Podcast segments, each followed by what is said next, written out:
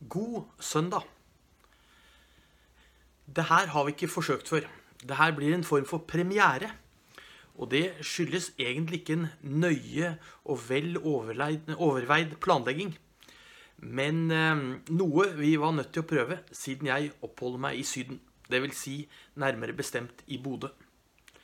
Så nå er den her, så sant eh, teknikken står oss bi.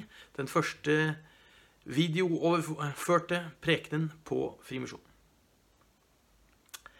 En tyv bryter seg inn i et hus midt på natta. Han sniker seg rundt i stua og ser etter verdigjenstander. Så stopper han plutselig opp, plukker ut noen ting og legger i sekken sin. Og så plutselig så hører han en stemme eh, som sier 'Jesus ser deg'. Han snur seg, snur seg lynraskt rundt, men han ser ingenting, så han fortsetter bare å stappe ting opp i sekken sin. Så hører han enda en gang stemmen som sier 'Jesus ser da!' Og når han nå snur seg rundt, så ser han plutselig at det er en papegøye. Hvem er du? spør tyven. Moses, sier papegøyen. Ha, det var jo et helt idiotisk navn, sier tyven. Hvem vil finne på å kalle en papegøye for Moses? Jeg vet ikke helt, svarte papegøyen. Jeg antar at det er de samme folkene som kaller rottweileren sin for Jesus.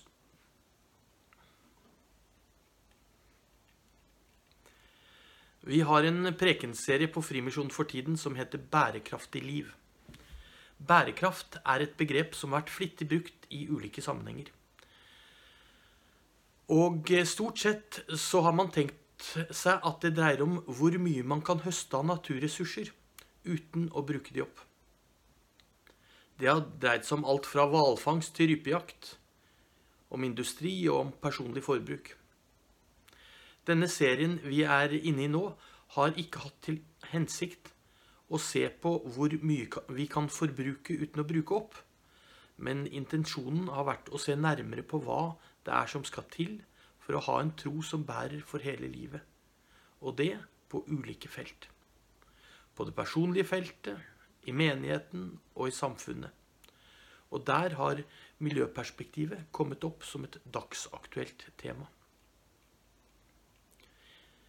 Da jeg vokste opp, så hadde vi store overskrifter om at trusselen for atomvåpen, eller trusselen fra atomvåpen, var overhengende. Der har vi nå enda større overskrifter om at vi står i fare for å ødelegge jorda. Vi står i fare for å ødelegge den om vi ikke gjør endringer i hvordan vi lever livet vårt. Og hva er da den kristne røsten inn i klimakrisen? Skal den kristne tro i det hele tatt mene noe om det som skjer rundt oss. Hva kan den kristne tro tilføre inn i klimakrisen? Kan det være et perspektiv vi må få fram? Få det fram fordi at det er viktig. Uansett hva man måtte mene om årsakene til klimaendringer, så er det klimaendringer som skjer rundt oss. Jeg har lånt veldig mye i denne talen fra Peter Halldorf. Han er pinsepastor han er redaktør og en av grunnleggerne av kommuniteten i Bjerka Seby. Jeg har lært å kjenne han som forfatter, og han, han er en helt fantastisk kristen forfatter. Alle de bøkene jeg har lest av han, kan jeg varmt anbefale. Og den jeg leser nå, den handler om profeten Jeremia i Det gamle testamentet.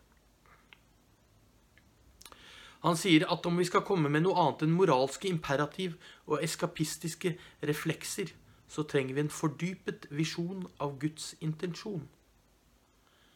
Sagt med andre ord dersom vi ikke bare skal hente opp en moralsk fordømmende pekefinger, eller stikke av når problemene kommer på dagsorden, så må vi forstå bedre hva det er Gud mener med sitt skaperverk.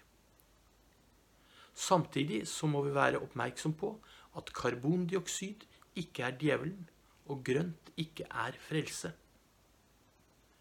Det er tre element ved den kristne tro Haldorf mener kan tilføre unike tanker inn i klimakrisen. Det er skapelsen, det at Gud har skapt verden med alt og alle i den. Det er inkarnasjonen, det at Gud ble menneske, og det er oppstandelsen.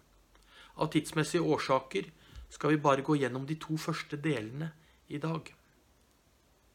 Denne talen vil ikke handle om hva vi skal gjøre men hvorfor vi skal gjøre. Vi skal ikke sette opp et nytt synderegister om hva som er tillatt, og hva som ikke er tillatt. Det må hver og en av oss finne ut av.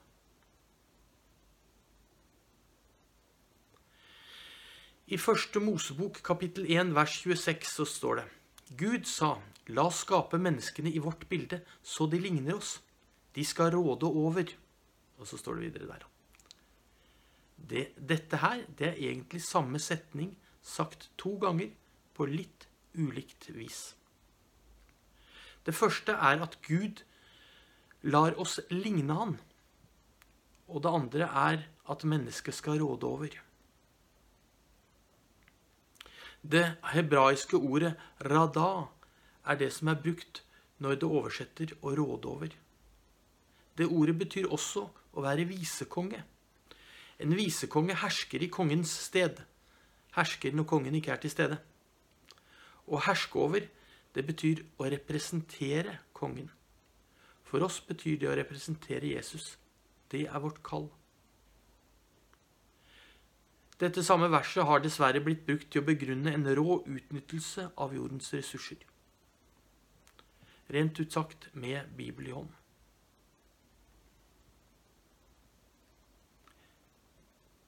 En, noe som jeg syns er litt sånn morsomt språklig, er at mennesket Adam og jorden Adama det kommer fra det samme hebraiske ordet. Vi bør eller må som en klok bonde forvalte og ta vare på den jorda vi har, slik at den kan skaffe oss mat i mange generasjoner fremover. Jeg har et veldig positivt bilde av bønder, kanskje til og med litt romantisk. Og det henger kanskje sammen med at eh, bestefaren min var bonde, og at vi var der hver eneste sommer. Vi jobbet litt og lekte mest.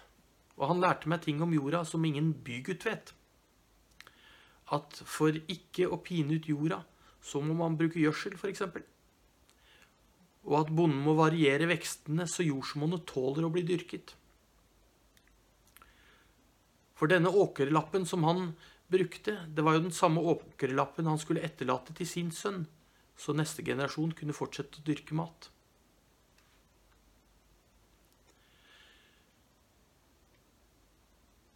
Gud så på alt det han hadde skapt, og det var og det var godt. Men allerede i tredje kapittel av første Mosebok så leser vi at det kommer et skille mellom Gud og menneske. Gud sa til mannen, på grunn av det du har gjort, så er jorden forbannet for din skyld. Med strev skal du nære deg av den alle dine levedager. Den skal la et torn og tistel spire frem for deg. Er jorden og verden fallen, og hva innebærer i så fall det? Dersom vi omtaler verden som fallen, så er det kort vei til å oppfatte den materielle verden som et problem. Som et hinder for åndelig modenhet. De tidlige kirkefedrene betraktet i grunnen verden som god. Samtidig så ser de jo at verden ikke er slik den skulle ha vært. De tidlige kristne taler aldri om en fallen verden, men om fallets verden. Bruddet mellom Gud og menneske påvirker naturen men ikke slik at naturen har brutt sin relasjon med Gud. Mange av de ortodokse kirkefedrene har tenkt mye på forholdet mellom Gud, menneske og natur, og de har derfor utviklet et språk nettopp for dette. Elisabeth Theokritos har sagt at de bud som Gud gir til mennesket i skapelsen, er en påminnelse om at det rommer en tredjepart måten vi bruker jorden, det skulle holde minnet om Gud levende i oss, hos oss. Alt i skapelsen har sitt opphav i Gud. Det skal reflektere Gud og skal leve i harmoni med Gud. Mennesket er hele skapelsens prest med det oppdrag å lede alt det skapte til full enhet med Skaperen. Dette er en selvsagt tanke i den kristne kirke fra gammelt av. Vi kan også finne den eh, i boken eh, 'Brødrene Karamazov' av eh, Dostojevskij. Og der er det Starets Sosima som sier Elsk det Gud har skapt på jorden, både i det store og i hvert lite sandkorn. Hvert lite løv. Hver Guds lysstråle skal det elske. Elsk dyrene, elsk vekstene, elsk hver ting. Om du elsker alle ting, kommer du til å bli oppmerksom på Guds hemmelighet i alle ting. Har du en gang blitt oppmerksom på den, kommer du til å søke den igjen og igjen, mer og mer for hver dag. Og da kommer du til sist å elske hele verden, med en total og altomfattende kjærlighet. Men gjennom fallet så blekner minnet, blikket fordunkles, og når verden der menneskene lever, ikke lenger er en åpenbaring av sin egen og hele skapelsen skaper. Da lytter ikke mennesket mer til Gud enn de lytter til markedet. Mennesket blir konsumenter i stedet for beskyttere. Patriark Bartolomeus var den første som brukte begrepet 'den økologiske synden'. Det er når vi lever på et vis som ydmyker jordens integritet. Det er synd. Jeremia han var en av profetene i Israel for om lag 2500 år siden. Han har skrevet den lengste boken i Bibelen. Han forsøker å få Israel til å vende om til Gud. Og han forteller om de konsekvenser dersom de ikke gjør det. Og ødeleggelsen kommer av at menneskene ikke lever etter Guds bud. Han beskriver i kapittel 4 en kosmisk ødeleggelse der jorda blir uskapt. Og det står fra kapittel 4. Jeg så jorden og se. Den var øde og tom mot himmelen. Lyset var borte. Jeg så fjellene og se. De skalv. Alle haugene ristet. Jeg så og se. Ikke et menneske. Alle fugler under himmelen var fløyet. Jeg så og se. Fruktbart land var blitt til ørken. Alle byer var revet ned. Jeremia gjør en parafrase av skapelsesberetningen i første Mosebok. Der står det at Gud er alle tings skaper, og for hver ting Gud skaper, står det Gud så, og det var godt. Det profeten Jeremia ser, er ikke godt, det er ødelagt. Jeremia søker et svar som er så sterkt at det vil få tilhøreren til å vende om, men svaret han får fra de politiske og religiøse lederne på den tiden, kan vi lese om i kapittel 6. Og Der oppsummeres det ganske enkelt i 'Vi vil ikke'. Hva kan vi si om en kristen holdning til klimakrisen? En avgjørende linse vi må bruke når vi snakker om klimakrise og en kristen tro, er at i kristen tro er aldri ånd og materie adskilte enheter. Jeg kan ta meg i å tenke at menneskets forhold til Gud må være viktigere enn kampen for jorden. Men dette er jo noe som Paulus går sterkt i rette med. I Kolosserbrevet kapittel 1 vers 15-20 så står det Han er den usynlige Guds bilde, den førstefødte før alt det skapte. For i ham er alt blitt skapt, i himmelen og på jorden det synlige og det usynlige. Troner og herskere, makter og åndskrefter. Alt er skapt ved Han og til Han.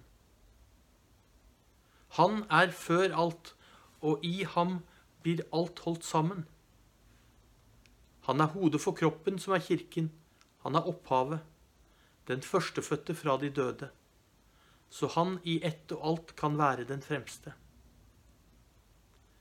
For i ham ville Gud la hele sin fylde ta bolig. og ved ham ville Gud forsone alt med seg selv, det som er på jorden og det som er i himmelen, da han skapte fred ved hans blod på korset. Det finnes altså ikke to virkeligheter, en sakral og en sekulær. Det finnes ikke en åndelig og en verdslig virkelighet. De hører sammen i den verden vi lever i, og vi trenger som kristne ikke å ha et ambivalent forhold til det åndelige og det materielle.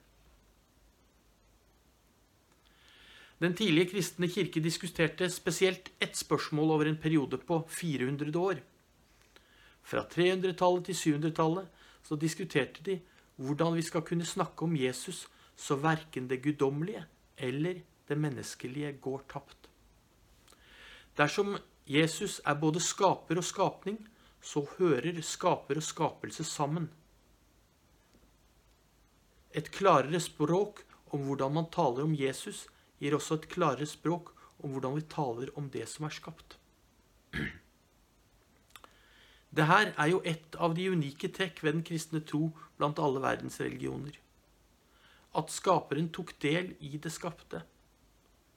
Alt som er kristent, er forbundet med det skapte og har som mål hele skapelsens fullendelse. En forestilling at et åndelig liv er bedre enn et ordinært menneskelig, er å underkjenne inkarnasjonen. Dersom man ikke har en konflikt mellom det åndelige og det skapte, så får det umiddelbare konsekvenser. Når vi holder fast ved at Jesus tilhører den åndelige, ikke-skapte virkeligheten, og den materielle verden, den skapte, så finner vi en vei mellom ytterlighetene. Den ene ytterligheten er å hevde det skarpe skillet mellom det åndelige og det materielle, der det materielle forminskes i verdi og begynner å foraktes.